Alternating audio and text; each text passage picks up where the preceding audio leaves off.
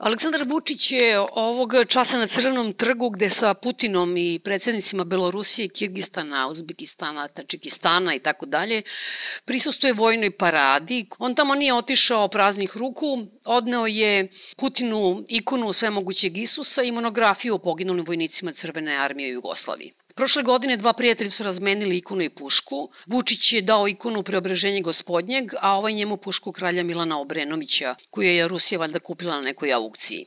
Ipak najviše pažnje već godinama izaziva priča o Trampi 166. lista Miroslavog evanđelja i sedam slika Nikolaja Reriha koje se nalaze u Narodnom muzeju ovde u Beogradu.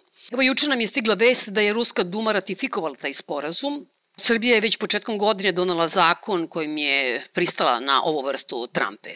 Ova tema nas zanima prevaskodno, naravno, sa stanovišta odnosa srpskih vlasti prema kulturnom nasleđu, Povodom finalizacije dakle, ovog dogovora o razmeni lista Miroslavog evanđelja i slika Nikolaja Reriha razgovaramo sa profesorom Filozofskog fakulteta Nenadom Makuljevićem. Profesor, dobar dan. Dobar dan, dobar dan. Molim vas da nam pomognete da se podsjetimo početka ove prijateljske trampe. Ako sam dobro razumela, sve je počelo pre tri godine kada je Ruska državna agencija kao pronašla u Narodnom muzeju, otkrila, gle čuda, Rerihove slike. I onda kreće to dogovaranje među prijateljima kako će se to finalizovati. Tako je, tako je.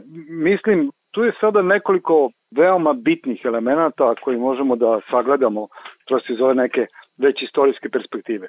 Jedne strane, pitanje tog lista Miroslavljeg evanđelja odavno postoji u našoj javnosti, kao što se odavno zna iz ove slike. Tu ničeg novog u stvari nema. Slike su bile poznate, slike su bile izložene u postavci Narodnog muzeja, o slikama se pisali, su se pisali naučni radovi i čak su se su te slike ulazile u obradu u pojedinim diplomskim radovima na odljenju za istoriju umetnosti. Izvinite, profesore, samo da podsjetim da je ministar kulture da je rekao da te slike prvo nisu naše i da nikada nisu ni izlagane. On je ba to eksplicitno rekao. Da, da, da, ja, zato ja to i hoću da kažem. Zato i pričamo da bi se naglasilo da u stvari da je odjedan put vest koju je objavio TAS i koju je, koliko sam video, sinoć isto objavio TAS i prenao N1, potpuno netačno. S time što 2017. je možda to bilo e, iz neznanja, danas je već jasno da je to apsolutno nešto što se zove da spinovanje ili svesno laganje. Naime, odjedan put je javljena informacija senzacionalna da su nekakve slike pronađene negde u Narodnom muzeju i tu informaciju koju je objavio TAS je ponovio i naš ministar kulture. To je potpuno s jedne strane netačno, s druge strane jasno pokazuje da se krenulo u nekakvu akciju i jasno je krenulo sa obmanjivanjem javnosti. Da su Srbi nalaze slike koji su nekakvim čudnovatim putem došle ovde, čak i u zakonu koji je usvojen u januaru 2020. napisano da ne znaju pravni osnov po kome su slike. Pravi se jedna mistika, jedna drama oko toga da su ovde pojavile neke slike koje bi Rusi sada volili da imaju, ali oni su toliko dobri da će nama da poklone list 166 iz Miroslavog evanđelja za te slike. Prosto se napravilo kao ne, atmosfera kao nekakvog divnog prijateljskog dogovora. To je stvari jedan apsolutni poraz nečega što ako postoji neka kulturna diplomatija ili kulturna politika u ovoj zemlji, to je njen apsolutni poraz. Jer ove slike su deo paketa koje je Rerih poslao Kraljevini Jugoslaviji, deo paketa, to je vrlo bitno naglasiti, jer drugi deo je u Zagrebu. I oni to ne daju, i oni to ne daju. I, i, I Zagreb to ne daje, zato što su te slike, kao i Rerihove slike u Beogradu, prosto popisane, inventarisane, nalaze se u sklopu zbirki muzeja i one ne mogu tek tako da budu sklonjene. U trenutku su oni to dogovarali, to je bio potpuno nezakoniti dogovor. Oni su taj dogovor pravno osmislili tako što doneli taj zakon o povratku, da je taj međunarodni ugovor teže od, svih, od domaćeg zakonodavstva i tako je to zakonski omogućeno. To je jedna stvar. Druga stvar koja je tu vrlo bitna jeste da nikome verovatno u Srbiji ili Jugoslaviji pre nije pala na pamet tako vrsta razmene. List 166. Miroslavovog evanđelja je nezakonito odnet. Njega je Porfirije Uspenski istrgao iz Miroslavovog evanđelja i odneo bio je u Kijevu, u St. Petersburgu, tu nema razgovora. Znači mi danas u svetu možemo svaki dan da vidimo brojne informacije o pitanju povratka kulturnog nasledđa, da. otetog toko nekih imperialističkih poduhvata, okupacije i tako dalje. Tu ovakvih primjera nema. Prosto ovo nije primer nikakva ni poštenog vraćanja, niti znak prijateljstva, nego jednostavno rečeno ovo je jednostavno otimačina. S druge strane, naše ministarstvo se ponaša i proglašava to zaista nekakvom pobedom i to je sad posebna priča. Znači, vama nije jasno da li je tu pitanje potpuni amaterizam, diletantizam ili su tu neki drugi razlozi zbog kojih je Rusima se izašlo u susret, mi to u ovom trenutku zaista ne znamo. Ta činjenica da dođe originalni list je nesumnjivo važna, ali ona nije senzacionalna. Taj list se dobro zna, taj list je poznat, taj list je objavljen, čak i Tomislav Nikolić dobio kopiju tog lista. Da, da. Niko od stručnjaka iz uh, Srbije ili iz Rusije se javno nije izjasnio da ovako nešto podržava. S druge strane, te slike su ušle u sklop neke kulturne istorije ovog prostora. Znači one su namenski poslate ovde, one nisu došle nekim putem nepoznatim, otvorio se sanduk i ispale slike, to, to se nije desilo, već je Rerik to poslao. I vrlo je zanimljivo da ruska strana veoma dobro to zna. Ruska strana čak u, u ovim zahtevima, u različitim informacijama koje plasira, kaže da je još jedna slika izgubljena.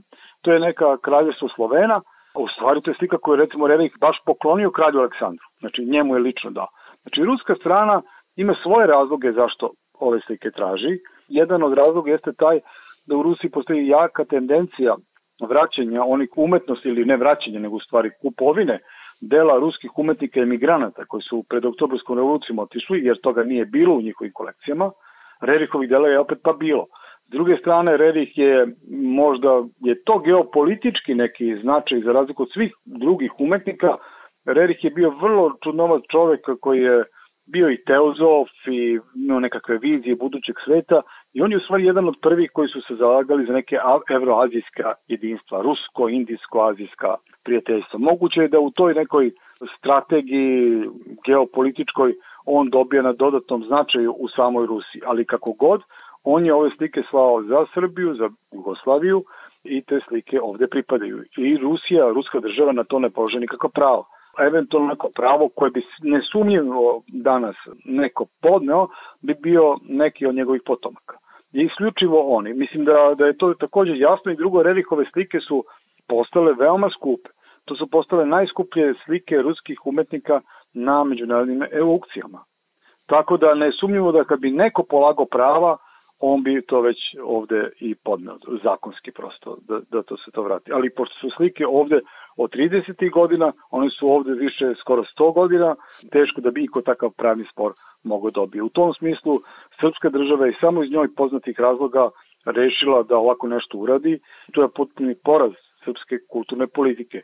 S druge strane, o tome jasno govori da ovo društvo ne vodi računa ni o čemu, pa kamoli o nekom blagu umetničkom nasledđu koje se ovog prostora negde po svetu se nalazi u stranim kolekcijama, niti mi znamo šta je sve to, niti je to traženo kako treba, čak i sam taj Uspenski šta je sve odno iz Hilandara ili iz nekih drugih manastira i to je pitanje. Ali je jasno da je u pitanju jedan čin potpunog nipodaštavanja i srpske javnosti što se pravili svo vreme neinformisani i potpuno podređenosti ruskoj strani. Samo mi se vratila profesore Makuljeviću na nešto što me potreslo dok sam to čitala, ta obrazloženja, snishodljiv odnos. Prvo, recimo da se podsjetimo samo kada je triumfalno najavio Tomislav Nikolić da će dobiti tu stranicu prilikom svog boravka dok je bio predsednik države i naravno ovaj mu je uručio kopiju direktor biblioteke u San Peterburgu. Nikolić se zahvaljivao na kopiji, ali je hvalio je Uspensko kako je to bio mudar monah koji je to skupljao i sačuvao, kao i u ono stolom ono obrazloženja ovog zakona koji smo mi doneli, gde je u stvari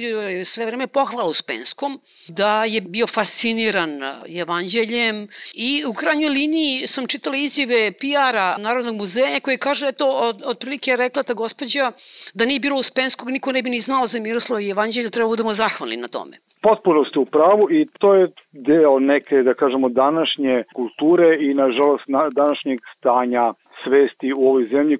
Mi imamo jedan trenutno uh, boj ljudi koji sa manjkom obrazovanja i viškom vlasti ili potpuno neograničene vlasti. U trenutku kada je Uspenski taj list odnao, u Beogradu se već formirale prve naučne institucije. U Beogradu postoji društvo srpske slovesnosti. Ono je formirano 1841. godine. Uspenski je posle toga išao. U tom trenutku to društvo već ima za cilj. Tu su nalaze prvi istraživači, da kažemo starina. Objavljuje se jedan časopis jedan zbornik u kome se publikuju, prepi, donose prepisi najstarijih srpskih dokumenta. Da ne pominjem da posto u tom trenutku već deluju i na evropskom prostoru istraživači sa kojima je srpska sredina bila veoma veoma povezani, još Vuk Karadžić, Kopitar i tako dalje. To jednostavno nije tačno. To može pričati samo neko ko je potpuno neobrazovan. Radi se o tome da je neko nešto nezakonito odno. A ova vrsta, da kažemo, oduševljenja mene podsjeća zaista na neke čudne likove iz 19. veka koji su govorili o tome i predlagali da svi Srbi prečeno da pričaju ruski. To je prosto postojalo, ljudi su se smejali u tom trenutku. Danas to što je bilo nemoguće 1880. bilo je potpuno realno i to je veoma tužno. Prosto to na taj način niko o tome ne govori. To je ista logika kao kad se govori o delovima Akropolja i koji su odneti da. skulpturama da. i kao niko ne bi znao. To nije tačno. Tu nema opravdanja.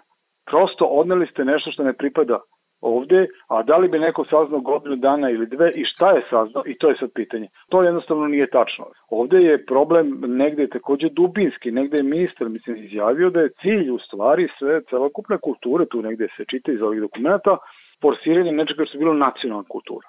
Međutim, to nema nikakve veze sa konceptom građanske nacionalne kulture iz 19. veka, ni srpske, ni evropske, jer vi možete da razvijete vašu kulturu, tu ne, ne postoji spor, nikakav i trebate, ali nikada to ne znači da imate neku vrstu izolacionističke perspektive.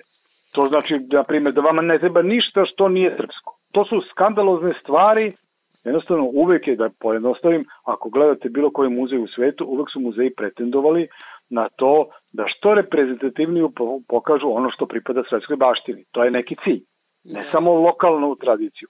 I Narodni muzej čak i od svojih početaka pogotovo vremena Mihajla Valtovića, veoma dobio slike stranih autora, angažovao. Nije, nije tu bilo nekog novca za, ne znam, neke revolucionne stvari, ali kada dođete do između dva svetska rata, vi imate čitave velike kolekcije strane umetnosti koje, ne znam, knjez Pavle donosio. Prosto po ovoj logici trebate svega da se, kako rekao, rešite, odreknete i da biste vi sad dobili tamo list, onda kamen, prosto broj predmeta koji je odnet sa ovog terena je enorman ti muzeji su pljačkani. Prvi svetski rat je na ovom terenu napravio potpunu katastrofu. Drugi svetski rat, sledeći talas katastrofe. Ratovi 90. novi talas katastrofe.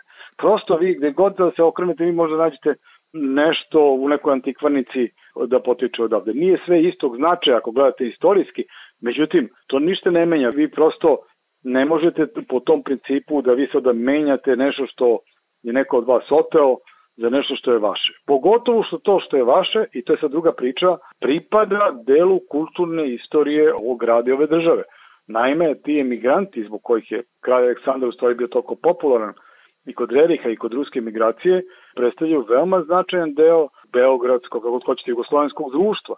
Oni su bili stručnjaci, radili su brojne postave, mnogi su bili lekari, inženjeri i tako dalje. To su ljudi čiji danas njihovi potomci žive ovde. Prosto to je deo kulture nas danas.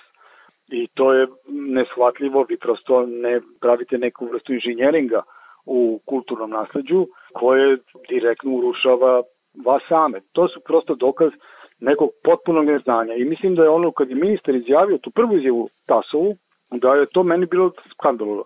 Ukoliko on zaista nije znao šta priča, nego prenosi rusku vest, to je, mislim, to je van reči. Ne znate da li je gore da nije da, znao, da, da. ili da. ako je znao lago. To je meni, za mene je to poražavajuće. A Rusija, s druge strane, je država, to treba isto reći, vozbiljna, moćna, sa vrlo projektovnom svojom politikom i ta njihova politika je veoma oštra. Oni su istu informaciju pokušali u Hrvatskoj da prodaju i to nije prošlo. Oni su, s druge strane, na aukcijama, kad moraju da plate, plaćali slike.